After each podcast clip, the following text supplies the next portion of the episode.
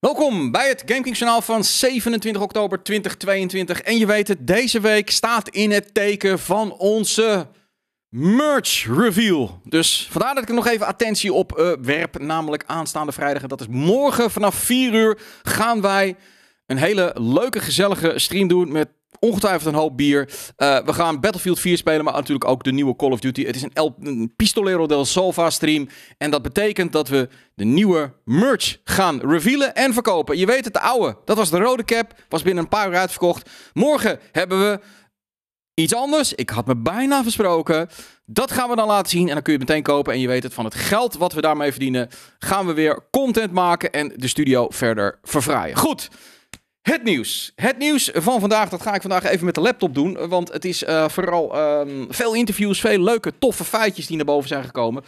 Zo heeft Phil Spencer, je weet het wel, de baas van Xbox, gisteren een interview gegeven bij The Wall Street Journal. Dat was een soort van online evenement. Um, en ik zat even te kijken hoor, want ik dacht van nou, dan ga ik die livestream ook kijken. Kostte 4000 dollar, 4000 dollar om die, die stream die uit interviews van belangrijke mensen bestond te bekijken. Uh, nou ja, 4000 dollar heb ik daar uh, niet voor over. Maar het nieuws is gelukkig natuurlijk wel naar buiten gekomen. En daar zitten een aantal leuke dingen bij. Ten eerste gaf hij nogmaals aan: Game Pass is profitable voor ons. Het is ongeveer 15% van alles wat we verdienen aan games. En dat zal het de komende tijd ook wel blijven. En dat is prima, want dat maakt het gewoon profitable. Um, de Game Pass groei op de console gaat langzaam, maar zeker vooruit. Maar niet heel erg snel. En de groei op de PC, die is immens. Geloof ik 160% groei op de PC. En dat is natuurlijk wel een aspect dat PlayStation nauwlettend in de gaten zal houden. Want wat zou dat misschien kunnen betekenen? Sowieso natuurlijk dat steeds meer PC-gamers uh, uh, um, de PC als basis zien van hun entertainment uh, beleving. Niet meer een console, maar een PC. Waarom? Hey, alle games die op de Xbox komen, die komen vaak ook op de, de Xbox uit. En ook steeds meer games die op de PlayStation uitkomen, die komen ook op de PC uit. Dus je zult zien dat steeds meer gamers denken: hé, hey, maar dan heb ik het beste van beide werelden. Moet ik misschien even wachten op de, uh, de exclusieve titels, maar dat, dat duurt dan een jaar, dan kan ik die ook spelen. En ondertussen kan ik mij laven aan het aanbod van de Game Pass. Uh, en dan, en daarvoor ga ik even naar de site toe. Um, ik heb even de VGC-nieuws gepakt. Hij zei daar uh, op een gegeven moment bij, uh, naar aanleiding van een vraag van het de, de, de, prijs van Game Pass. En we hebben dit natuurlijk ook al een aantal keren gezegd tijdens de piepshow. Microsoft is nu hyperagressief. Zij willen een nieuw platform, een subscriber platform, groot gaan maken. Hoe doe je dat? Dat is eigenlijk door je abonnementen min of meer weg te geven. Natuurlijk moet je ervoor betalen, maar 10 dollar is natuurlijk een waanzinnig bedrag. Als je ziet hoeveel games je kunt gaan spelen. Ik ga het even niet over kwaliteit hebben, dat is iets van smaak, maar er staat genoeg op. En voor 10 dollar uh, is dat niet veel. Maar dat is inderdaad puur een prijs op basis van groei, agressieve groei. Logisch dat Sony dat niet tof vindt, want zij zitten nog steeds vast aan het prijsspel van 70 tot 80 dollar per game. Phil Spencer heeft gisteren nu gezegd van, uh, en dat zegt hij hier, uh, I think at some point we'll have to raise the price on certain things. Um, but going into the holidays, we thought it was important to maintain the prices. Dan zegt hij vervolgens ook nog een keer: We've held price on our console, we held price on our games and our subscription. I don't think we'll be able to do that forever. I do think at some point we'll have to raise some prices on certain things. Ook iets wat we al tijden zeggen. Natuurlijk, Sony zit er nu agressief in die markt. Die probeert vooral zoveel mogelijk mensen in die Game Pass uh, te krijgen. Dat is de doelstelling. Niet de consoles. In de Game Pass te krijgen. Um, en als er op een gegeven moment een, een flinke basis is. Um, dan zullen ze ongetwijfeld ook. Zie bij Netflix, zie bij al die andere partijen. De prijs gaan verhogen. Hoeveel dat is, weet ik niet. Maar hier dus de bevestiging. Het gaat op een gegeven moment gebeuren. Gaan we door naar, denk ik, um, ja, ook wel weer opvallend nieuws. En uh, dat is, en dan moet ik even iets uh, nog gaan invullen. Um, CD Projekt Red heeft gisteren weer uh, ja, met aandeelhouders uh, gesproken. Dat doen ze regelmatig of met, met, met, met, met zeg maar fans van het eerste uur. Dan gaan ze uitleggen wat ze allemaal gaan doen. En daarbij kwamen ze met een bijzonder verrassende mededeling wat mij betreft. En dat is dat er een Witcher remake gaat komen. Uh, hier staat het gewoon. We are thrilled to announce that the Witcher remake is being worked on. That's right. The game that started it all has to, um, is being rebuilt from the ground up in Unreal Engine 5.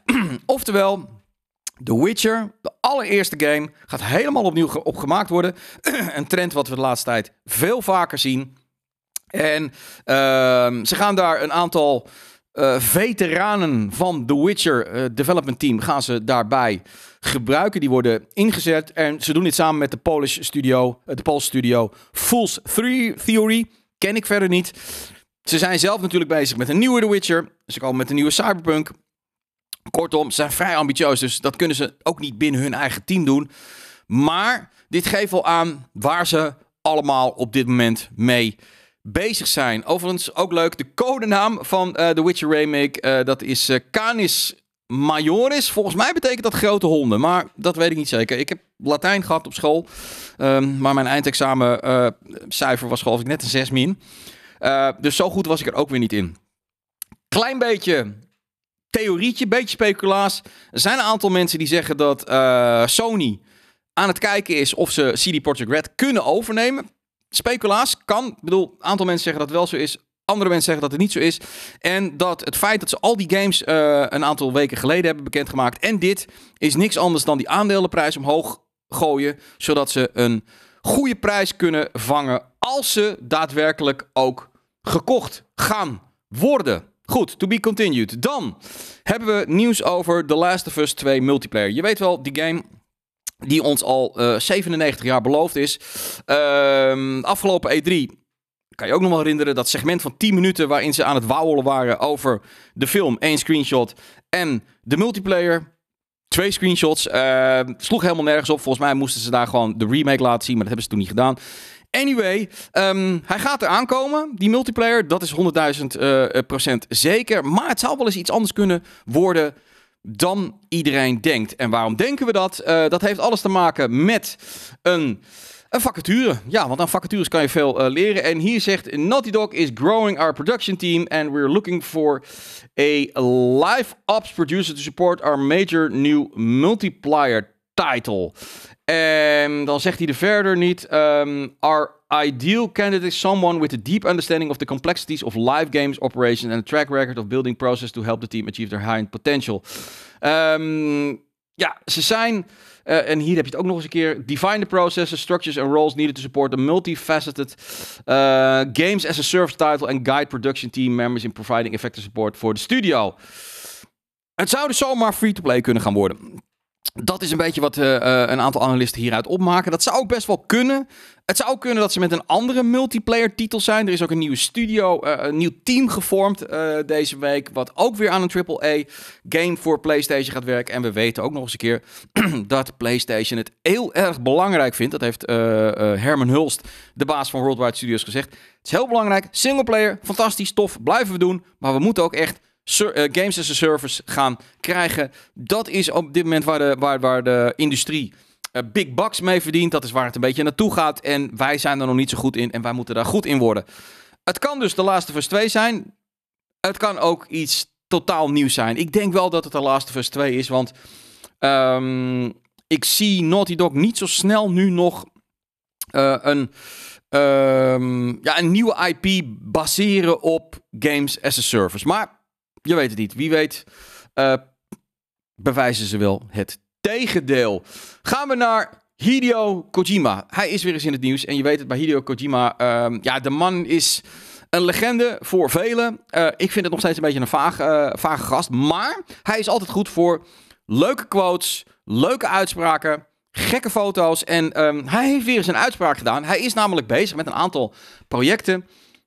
En hij zegt, uh, een van die projecten, die gaat de gamesindustrie en de filmindustrie veranderen. Ja, hij legt het latje uh, vrij hoog. Hij zegt, um, hier staat het, speaking to the Guardian, Engelse uh, tabloid, Kojima didn't share anything specific out, about his new games, but said in broader terms that one of them is almost an unprecedented endeavor and that he has been waiting for the technology to be available to make it.